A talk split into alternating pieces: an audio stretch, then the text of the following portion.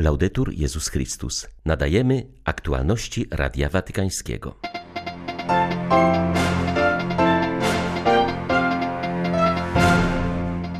Wyniki badań papieża są zadowalające. Franciszek coraz więcej pracuje i spaceruje po szpitalnym korytarzu, poinformowało biuro prasowe Stolicy Apostolskiej. Wczoraj późnym popołudniem pod klinikę Gemelli przybyła grupa ubogich, aby modlić się za papieża i w ten sposób okazać mu swoją bliskość. Bezdomni mieszkający w papieskiej noclegowni przekazali Ojcu Świętemu podziękowania i kwiaty. Biskup Manaus poświęcił kolejny statek szpital, który będzie niósł pomoc medyczną ludności tubylczej zamieszkałej w wioskach przybrzeżnych w regionie Amazonii. 10 lipca witają Państwa Krzysztof Bronk i Łukasz Sośniak. Zapraszamy na serwis informacyjny. Pooperacyjne wyniki badań krwi papieża Franciszka są zadowalające, poinformował dyrektor Biura Prasowego Stolicy Apostolskiej. Mateo Bruni podkreślił, że Dzień Ojca Świętego był spokojny, z oczekiwanym przebiegiem klinicznym. Kontynuowane jest przepisane wcześniej leczenie. Z najnowszego komunikatu rzecznika papieża dowiadujemy się, że Franciszek systematycznie wznawia pracę i spaceruje po korytarzu swojego apartamentu na dziesiątym piętrze kliniki Gemelli. Po południu odprawił mszę w prywatnej kaplicy, a wieczorem zjadł kolację z osobami, które się nim w tych dniach opiekują. Mateo Bruni zapewnił, że papież przebywając w szpitalu pamięta w modlitwie o wszystkich cierpiących oraz o służbie zdrowia. Docenia zaangażowanie personelu medycznego i wspiera wszystkich lekarzy i pielęgniarki, którzy z troską i współczuciem angażują się w osobistą relację z chorymi, zwłaszcza z najbardziej cierpiącymi i bezbronnymi. Wczoraj późnym popołudniem pod klinikę Gemelli przybyła grupa ubogich, aby modlić się za papieża i w ten sposób okazać mu swoją bliskość. Towarzyszyli im wolontariusze ze wspólnoty świętego Idziego. Na miejsce modlitwy obrali pomnik świętego Jana Pawła II, który nazwał klinikę Gemelli trzecim Watykanem. Byli to ubodzy, którzy znaleźli schronienie w Palazzo Migliori, w którym papież urządził dom dla bezdomnych. Pod kierunkiem proboszcza rzymskiej Bazyliki Matki Bożej na Zatybrzu odmówili modlitwę za papieża, a następnie przekazali Ojcu Świętemu za pośrednictwem gwardzistów szwajcarskich bukiet kwiatów. Jak mówi Carlo Santoro z punktu przyjęć w Palazzo Migliori, w ten sposób ubodzy chcieli wyrazić Franciszkowi swoją wdzięczność. Ta inicjatywa wyszła przede wszystkim od ubogich, którzy są bardzo wdzięczni papieżowi za to, że otworzył dla nich Palazzo Migliori, że dał im miejsce do spania, a także za wszystko, co na co dzień robi dla potrzebujących, za to, że w ostatnich miesiącach zorganizował dla nich szczepienia w Watykanie, kiedy nikt nie chciał szczepić ubogich. Cieszymy się, że tu jesteśmy z tą małą reprezentacją ubogich. Przez wszystkie te lata papież Franciszek był blisko nich i codziennie zachęcał wszystkich, by byli przyjaciółmi ubogich. Jest to ważne dla całego Kościoła i również dla nas. We wszystkich włoskich kościołach zostanie jutro odczytana modlitwa za migrantów, w szczególności za tych, którzy stracili życie na Morzu Śródziemnym.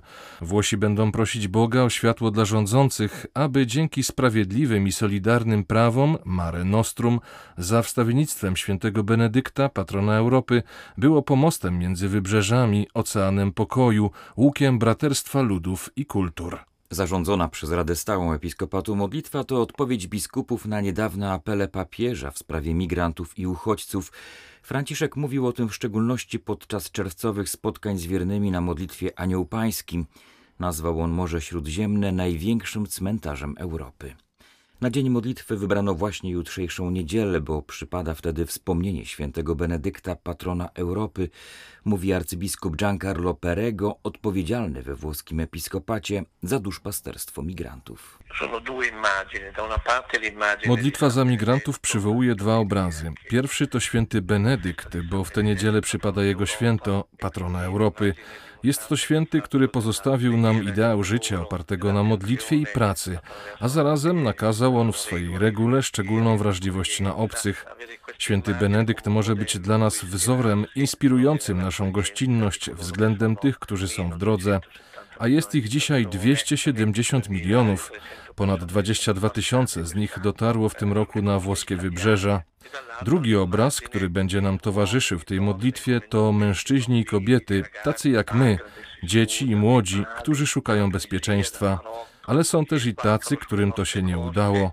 W tych pierwszych miesiącach zginęło na morzu 650 osób, a od roku 2017 utonęło już w sumie 7 tysięcy migrantów.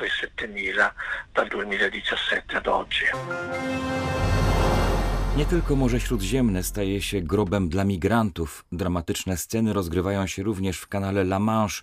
Katolicy i anglikańscy biskupi z Francji i Wielkiej Brytanii wezwali do wsłuchania się w głos migrantów i do opracowania nowej polityki wykraczającej ponad zamykanie granic oraz wzmacnianie bezpieczeństwa. Inicjatywę podjęło sześciu hierarchów w nadmorskich regionach obu kraju. W dokumencie czytamy m.in. Oni są naszymi braćmi i siostrami w człowieczeństwie, zasługują na pomoc w znalezieniu miejsca, w którym mogliby godnie żyć oraz wnieść wkład w budowanie społeczeństwa obywatelskiego. Biskupi ze smutkiem przyjmują fakt, że konieczny okazał się nowy apel wzywający do wsłuchania się w głos cudzoziemców, którzy zostali zmuszeni do opuszczenia swojej ojczyzny. Hierarchowie ubolewają szczególnie nad brakiem nadziei dla migrantów i uchodźców w sytuacji rozpaczy, która popycha ich do decyzji poddania się wykorzystaniu ze strony przemytników czerpiących zyski z nielegalnego procederu.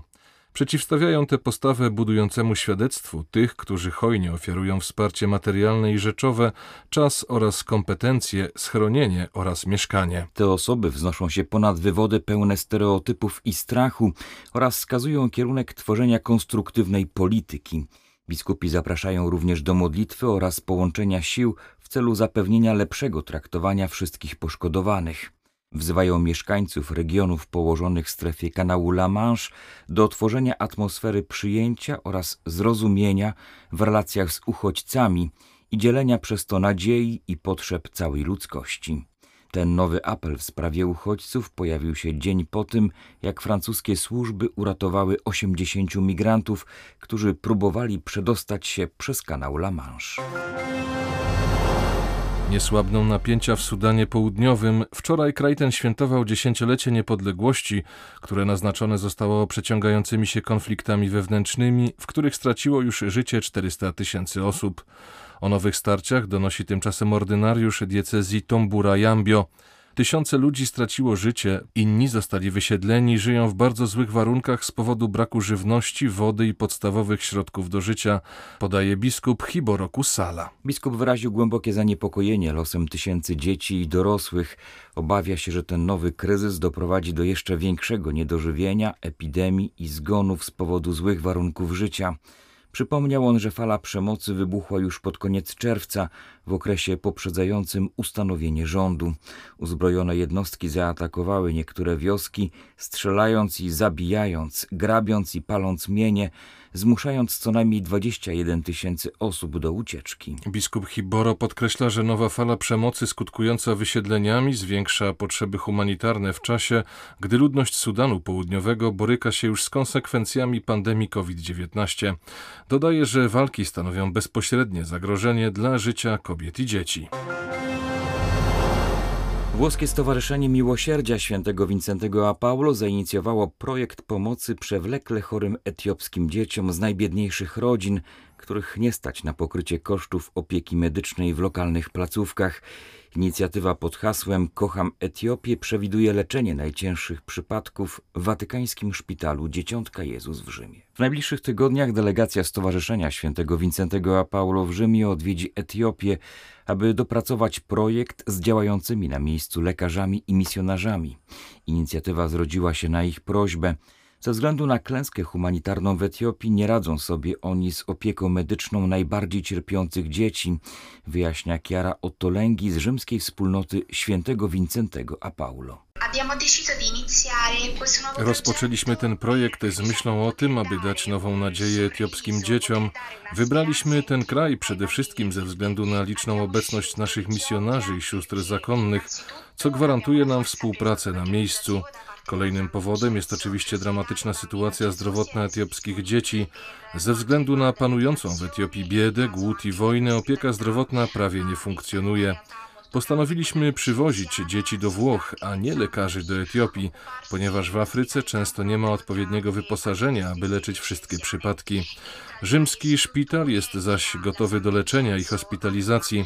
Jednak część dzieci planujemy zakwaterować w domach członków naszej rodziny wincentyńskiej. Mamy nadzieję, że ten projekt przetrwa wojnę i będzie kontynuowany w przyszłości. Warunki w szpitalach i lokalnym systemie opieki zdrowotnej w Etiopii nie były wcale dobre nawet przed wojną.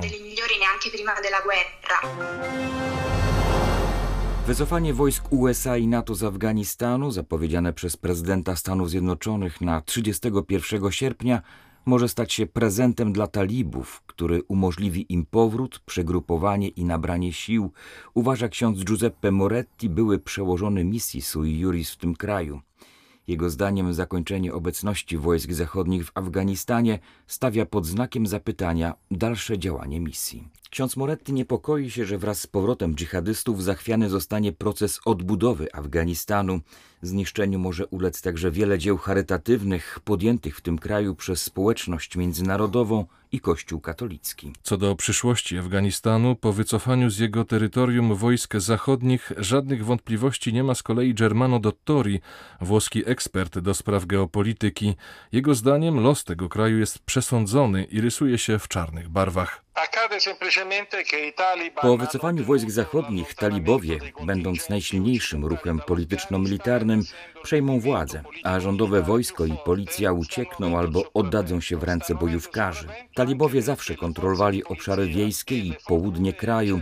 To nie zmieniło się w ciągu tych 20 lat misji międzynarodowych. Nowością jest próba przejęcia kontroli nad posterunkami granicznymi i regionami północnymi. Wszystko to uwiarygadnia hipotezę, że porządek polityczny w Afganistanie może ulec zmianie. Zdaniem Dottoriego próba uczynienia z Afganistanu scentralizowanego państwa na wzór zachodni nie powiodła się, ponieważ nie wzięto pod uwagę nieufności wobec cudzoziemców, ale przede wszystkim przywiązania miejscowych do autonomii swoich ziem. Błyskawiczne odsunięcie talibów od władzy przez Armię Stanów Zjednoczonych mogło wywołać błędne wrażenie, że Zachód definitywnie rozprawił się z dżihadystami. Jednak po dwudziestoletniej okupacji przez USA i NATO talibowie wciąż kontrolują 19% z 325 afgańskich okręgów cywilnych. Arcybiskup Leonardo Steiner poświęcił w Manaus trzeci już statek szpital, który będzie niósł pomoc medyczną ludności tubylczej zamieszkałej w wioskach przybrzeżnych w regionie Amazonii. Statek nosi nazwę Święty Jan XXIII.